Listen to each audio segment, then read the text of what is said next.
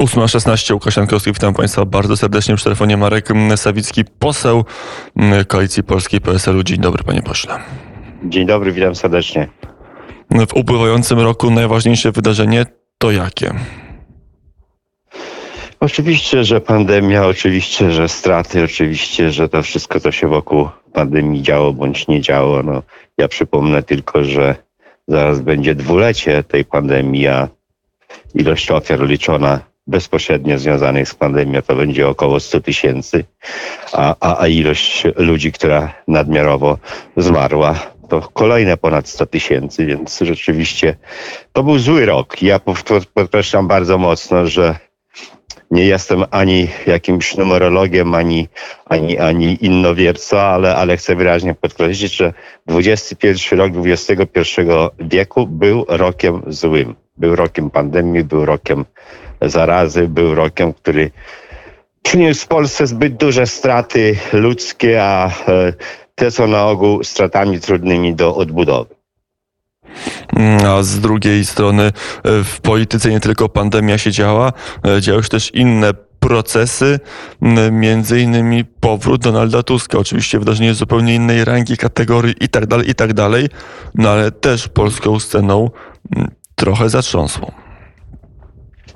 Nie wiem, kim zatrzęsło, może panem tak, może jeszcze paroma innymi politykami, no nie zatrzęsło, ja wielokrotnie No nie jestem tym, politykiem, panie pośle, ja ale wielu dziennikarzy tym, naprawdę miało e, przyspieszony rytm serca, Donald Tusk wracał, to Nie, prawda. panie Łukaszu, ja powiem tak, na bezrybiu jak ryba, jak się nie ma innych informacji, to oczywiście warto je wykreować i Pytanie tylko, co to zmieniło? Nic nie zmieniło. E, powrócił stary, ostry konflikt pomiędzy e, PiSem a Platformą. Oczywiście obu tym środowiskom politycznym on jest na rękę, on jest wygodny.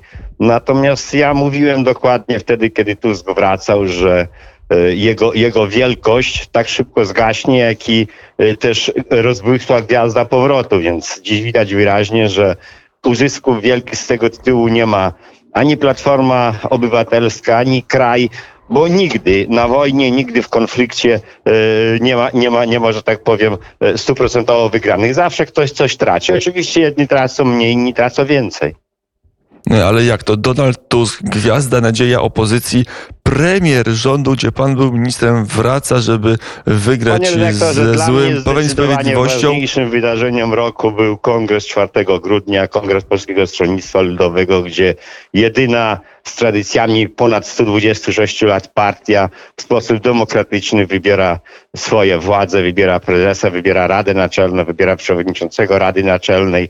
Jest autentyczna rywalizacja, jest autentyczna walka bo nie będzie państwa demokratycznego i kraju demokratycznego, w którym rządzą partie autorytarne, niedemokratyczne, więc y, to jest Platforma jest nadzieja, partią autorytarną? Być może, być może jeszcze demokracja do Rzeczpospolitej w pełni zawita.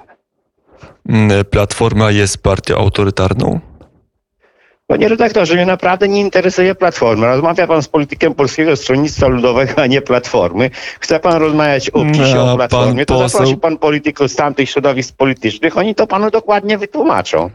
Ale panie pośle, oni będą mówić być może nieprawda. Ja liczę, że pan powie uwagę, jak się samą dokonał prawdę wybór prezesa PiSu i proszę zwrócić uwagę, jak się dokonała zamiana szefów Platformy Obywatelskiej.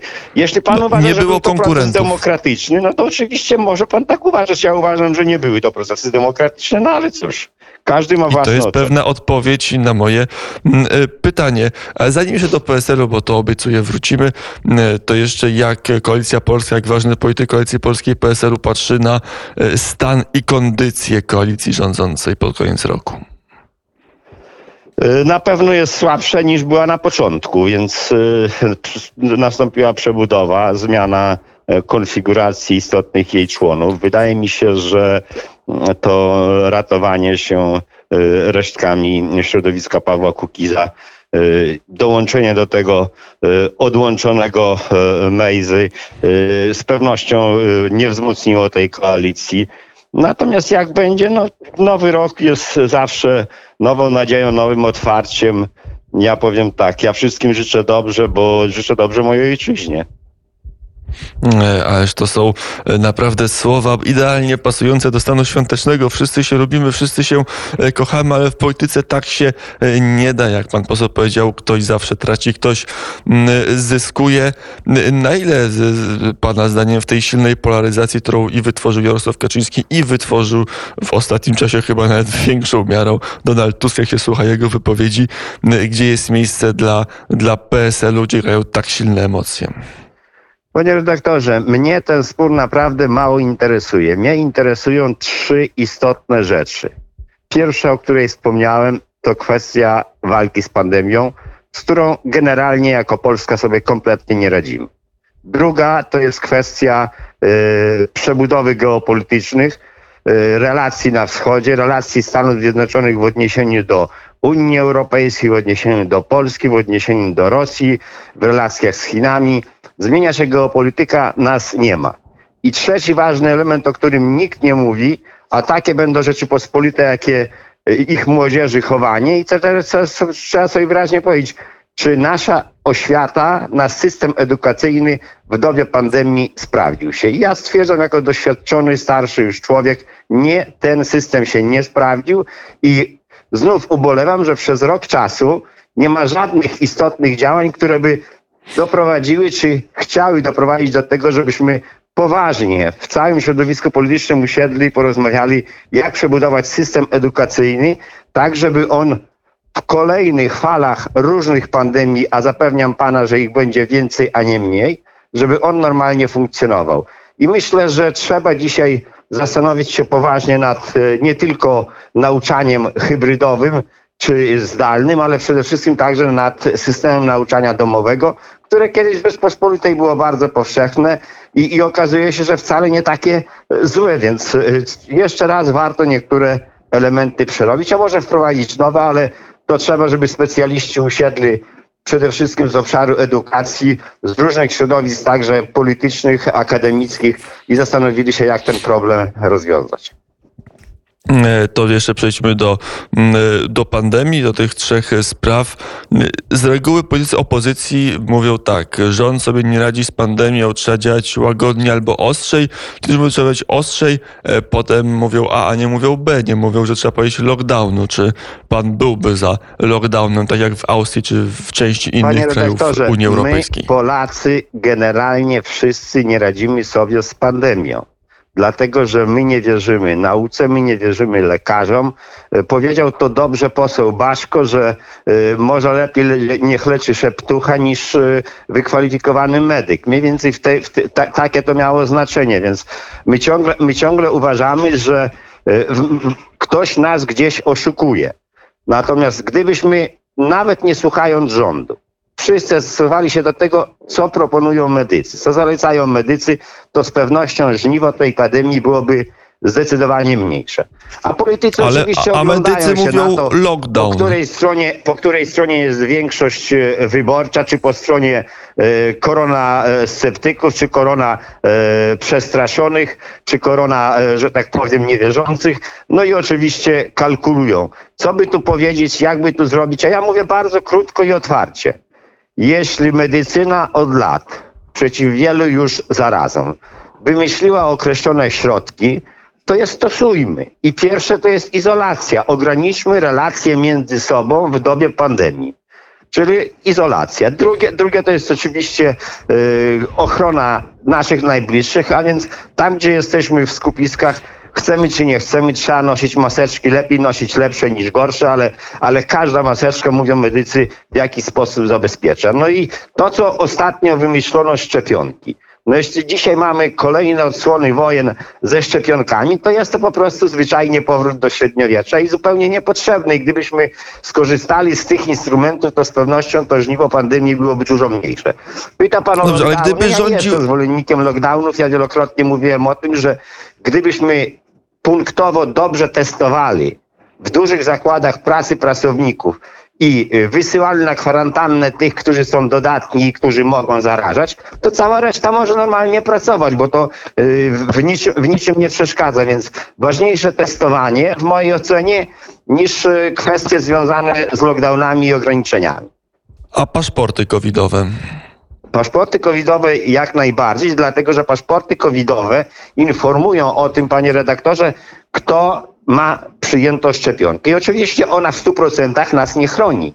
Ale jeśli mamy dzisiaj dane, z których wynika, że około 10% ludzi umierających w tej czwartej fali pandemii y, to są ludzie y, zaszczepieni, a 90% niezaszczepieni, a niezaszczepionych w Polsce mamy mniej niż połowa, no to jednak są to jakieś twarde dane statystyczne i dlatego uważam, że y, skoro inni stosują tę metodę i, i, i sprawdzają, czy ten paszport covidowy jest, czy nie, to trzeba to również wprowadzić w Polsce. Natomiast ważniejsze niż paszport covidowy w dużych skupiskach, w dużych zakładach pracy, w dużych instytucjach, w sieciach handlowych powinna być kwestia testowania.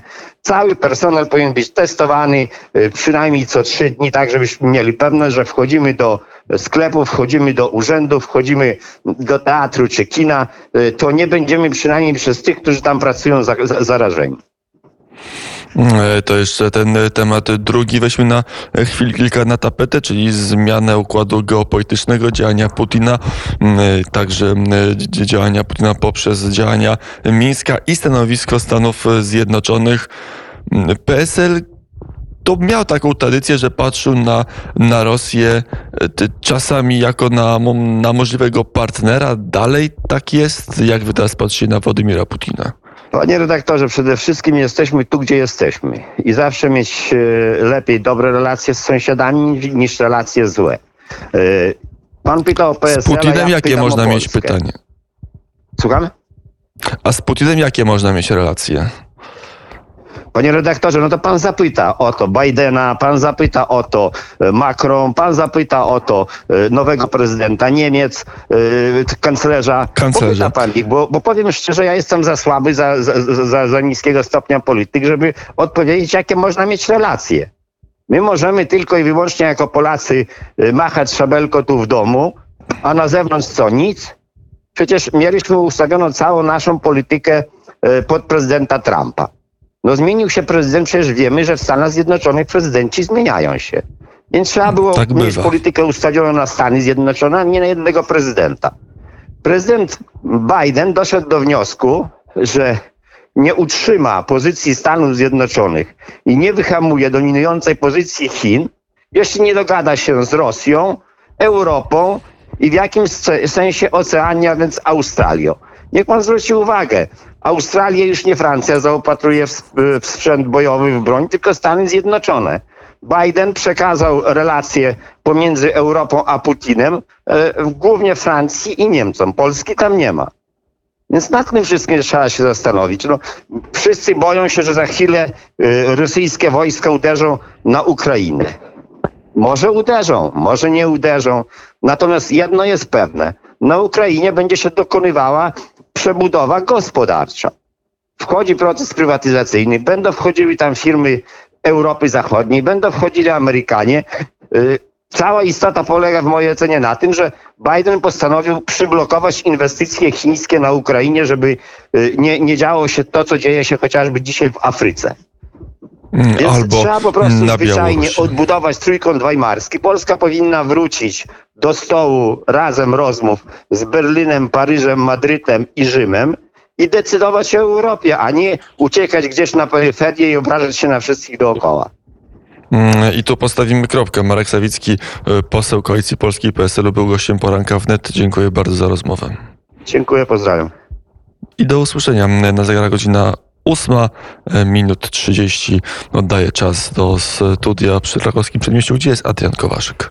Łukasz oddaje czas i oddaje głos, przejmuje ten czas. Jest 8.30. U nas również informacje od Tomasza Wbranowskiego z Dublina. Tam jeszcze ciemno. U nas jasno za oknem, choć minus kilkanaście stopni Celsjusza. Nie za przyjemnie, więc rozgrzejmy się chwileczkę. Może jeszcze później będą jakieś kolendy, a teraz Funky Town.